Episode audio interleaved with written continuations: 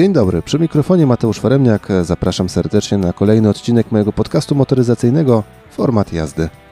Lubicie chodzić własnymi ścieżkami, czy raczej płynąć z prądem? Elektromobilność jest dzisiaj na takim etapie, że paradoksalnie łączy obydwie te cechy. Bo z jednej strony, kupując samochód elektryczny dziś, jesteście w promilu kierowców, którzy z takiego samochodu już korzystają. Prawdopodobnie macie sporo utrudnień w codziennym funkcjonowaniu z takim autem, ponosicie wysokie koszty zakupu i raczej nie planujecie nim ekscytujących kilkuset kilometrowych wypraw. Z drugiej jednak idziecie z duchem czasu i płyniecie z nomen omen prądem zmian, bo kierunek rozwoju motoryzacji jest na ten moment jasny i klarowny. To samochody elektryczne. Dzisiaj opowiem Wam o modelu, który w momencie debiutu wytyczał nowe możliwości elektryków, a dzisiaj, choć ma już całe grono godnych konkurentów, nadal pozostaje jednym z najpoważniejszych ambasadorów elektryfikacji samochodów. Mowa o Renault Zoe. Trzeba przyznać, że jest to pionierski model. Jako pierwszy w gamie Renault został od początku do końca zaprojektowany jako samochód elektryczny. Co więcej, był też pierwszym seryjnie produkowanym autem oferującym ponad 200 km zasięgu. Co by nie mówić, z dzisiejszej perspektywy taki zasięg nie imponuje, a jednak kiedy Zoe wchodziło do sprzedaży w 2013 roku, był wręcz kosmiczny. Takie porównanie pozwala mieć nadzieję, że w kontekście aktualnych nakładów i nacisków na rozwój elektryków za kolejne 10 lat będą to już całkiem sensowne auta do jazdy, nie tylko po mieście. Choć elektryki przechodzą rewolucję, Zoe idzie co najwyżej drogą ewolucji. I to takiej niezbyt szybkiej. Po co jednak zmieniać coś, co działa? Od początku sprzedaży jest to jeden z najlepiej sprzedających się samochodów elektrycznych, a w Europie nawet najlepiej. Kierunek na pół miliona sprzedanych egzemplarzy został obrany i Renault zbliża się do niego już całkiem sporymi susami. Tym tropem Renault doszło do wniosku, że nie ma co tu przesadnie kombinować, bo jak spojrzycie na ZE pierwszej generacji, wypuszczane na rynek między 2013 a 2019 rokiem, a aktualną drugą, obecną w salonach od 2019 roku, to zauważycie, że z zewnątrz to jest w zasadzie cały czas ten sam samochód. Może nieco mniej obły niż początkowo, Nieco mniej też futurystyczny, a bardziej przyziemny i codzienny, jednak ciągle z tym samym charakterystycznym sznytem. Z designem, który idzie obok aktualnej linii Renault, ale generalnie całkiem apetycznym jak na auto, które ma być codziennym towarzyszem od brudnej roboty. No i broni się kontekstem swoich wyników sprzedaży. Co mi bardzo podoba się w Zoe to, że jest to samochód miejski w dawnym tego słowa znaczeniu, a więc mały, zgrabny i zwinny. Takie elektryki trafiają w mój gust, bo jest to samochód, który zna swoje miejsce w szeregu, potrafiąc zatuszować swoje ograniczenia, a maksymalnie uwydatnić swoje mocne strony. A te są takie, że z zasięgiem na poziomie około 400 km oferuje Wam w zasadzie tydzień całkiem konkretnego kręcenia się po mieście. Przywiezie spokojnie cztery osoby i trochę zakupów w bagażniku, a do tego sprytnie poradzi sobie na ciasnych parkingach i w miejskich korkach, Nieco ponad 4 metry długości i niecałe 180 cm szerokości powinniście docenić w miejskiej gęstwinie. W środku jest całkiem zwyczajnie z wyjątkiem mózgu samochodu w postaci sporego ekranu multimedialnego, sporego w wersji podstawowej, bo 7-calowego. W opcji możemy zamówić taki już całkiem konkretny, ponad 9-calowy. Choć jest duży, dominujący i odpowiada za zdecydowaną większość opcji w samochodzie, sterowanie klimatyzacją oraz nawiewem szyb pozostawiono pod postacią fizycznych pokręteł, za co u mnie duży plus. Co do samego systemu dostajemy tu wszystko to, co można spotkać w innych modelach Renault. Jeśli jeździliście jakimś z ostatnich lat, nie powinniście być zaskoczeni, a jeśli nie, w sumie nic nie szkodzi, bo jest dosyć prosty i intuicyjny, więc po kilku chwilach powinniście bez problemu się w nim odnaleźć. Trochę gorzej może być z odnalezieniem się w okolicy, jeśli będziecie słuchać podpowiedzi nawigacji dotyczących dróg nieutwardzonych. To taka mała szpileczka. Poza tym mamy tu do czynienia z przygniętymi plastikami, skutecznie ocieplanymi przy pomocy materiałowych oprzyć. Spasowanie elementów jest dobre i przykre dźwięki nie powinny zakłócać nam ciszy i spokoju miejskich jazd elektrykiem. Całkiem ciekawym zagadnieniem jest konfiguracja ZOE. Z jednej strony bowiem na pokładzie elektrycznego mieszczucha od Renault mamy solidny pakiet wyposażenia. Bez fajerwerków, jednak nawet w podstawowej wersji mamy wszystkie potrzebne systemy bezpieczeństwa, a nawet automatyczną klimatyzację.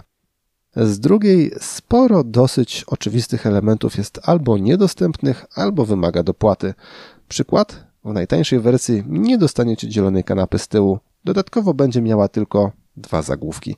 Takie luksusy są dostępne dopiero od średniej wersji Zen, a nawet w tych bogatszych jak ta testowana przeze mnie nie było z tyłu światełka. Macie za to fikuśny wzorek na suficie, który możecie zobaczyć w mojej relacji na Instagramie.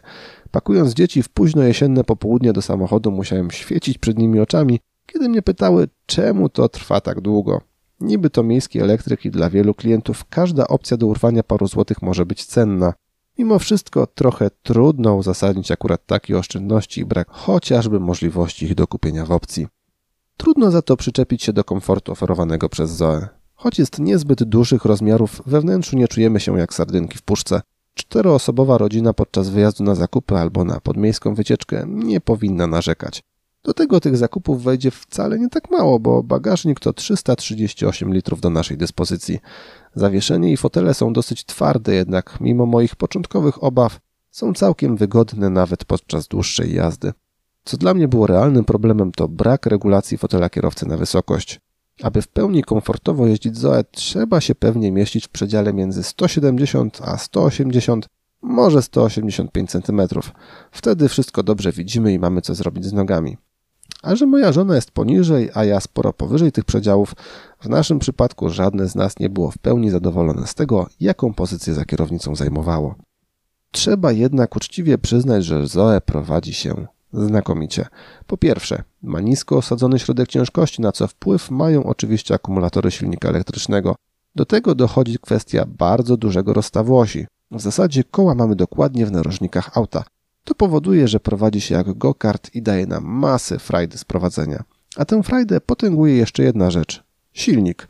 Do wyboru mamy dwie jednostki o mocy 108 koni mechanicznych i 225 Nm momentu obrotowego oraz mocniejszą 135-konną generującą 245 Nm. Obydwa parowane są z akumulatorem o pojemności 52 kWh. Ja miałem mocniejszą wersję i w mieście, gdzie głównie używałem Zoe, musiałem być bardzo ostrożny. W ustawieniach nawigacji można oznaczyć nasz samochód jako bolid. I wiecie co? To nie jest zupełnie oderwane od rzeczywistości porównanie. Zoe przyspiesza żwawo i chętnie. Do 50 km na godzinę przyspiesza w 3,5 sekundy. Drugą 50 osiąga już nieco mniej ochoczo, jednak prawo jazdy możecie stracić już po 9 sekundach. Przynajmniej nie przeszarżujecie na autostradzie, bo rozpędza się maksymalnie do 140 km na godzinę. W mieście trzeba się jednak kontrolować, bo połączenie rozstawu osi, niskiego środka ciężkości z dynamicznym w każdym zakresie silnikiem elektrycznym daje nam przepis na super doznania za kierownicą w zupełnie niepozornym aucie oraz na szybką utratę prawa jazdy. No dobrze, oswoiliśmy się z tym, jak fajnie jeździ to auto, ale jak dobrze spisze się nam w zwykłej, codziennej eksploatacji. Renault zapewnia, że akumulatory, które tym razem są już nasze po zakupie auta, powinny nam wystarczyć nawet na 395 km jazdy. Wiadomo, że aż tyle nie uda nam się wykręcić, ale ponad 300 km powinniście osiągać bez większego problemu. W moim teście przy temperaturach rzędu 5-8 stopni zużycie prądu mieściło się w przedziale 16-16,5 kWh i to bez trybu eko lub ograniczenia ogrzewania, choć ze zwiększoną rekuperacją energii. Jak łatwo policzyć, wystarczy nam to na jakieś 320 km. Biorąc pod uwagę miejską codzienność większości z nas, powinno to starczyć przynajmniej na roboczy tydzień. Oczywiście mniej kolorowo robi się, kiedy do głowy wpadnie Wam pomysł przejażdżki po trasie szybkiego ruchu lub autostradzie. Wtedy wchodzimy już w przedział od 21 do 24 kWh. Nieźle na tle niektórych elektryków, jednak realnie schodzimy tu już do nieco ponad 200 km zasięgu. A jak szybko możemy uzupełnić braki energii? Zoe może być ładowane prądem o mocy do 50 kW, co oznacza pełne naładowanie w około godzinę. Ciekawą opcją jest jednak możliwość ładowania prądem zmiennym o mocy do 22 kW.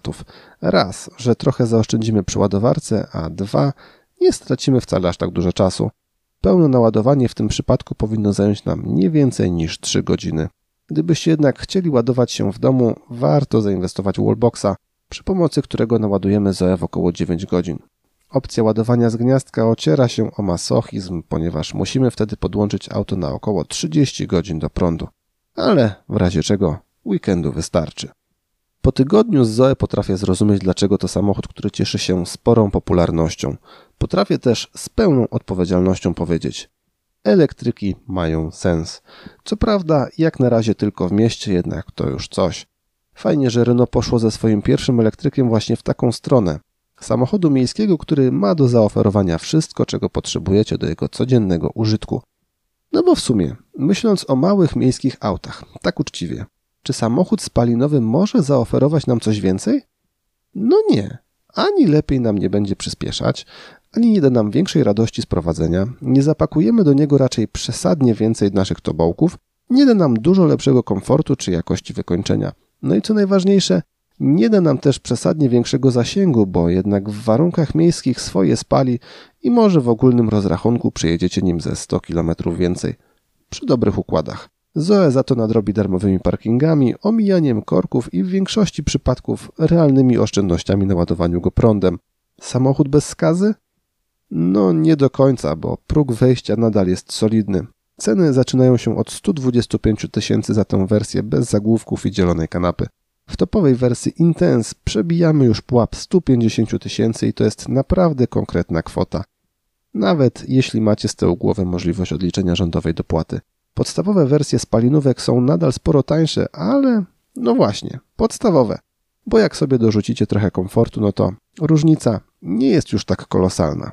Gdyby finanse mi pozwalały, rozważyłbym elektrykę jako drugie auto w rodzinie, właśnie do jazdy po mieście, a Zoe byłoby mocną opcją na stole.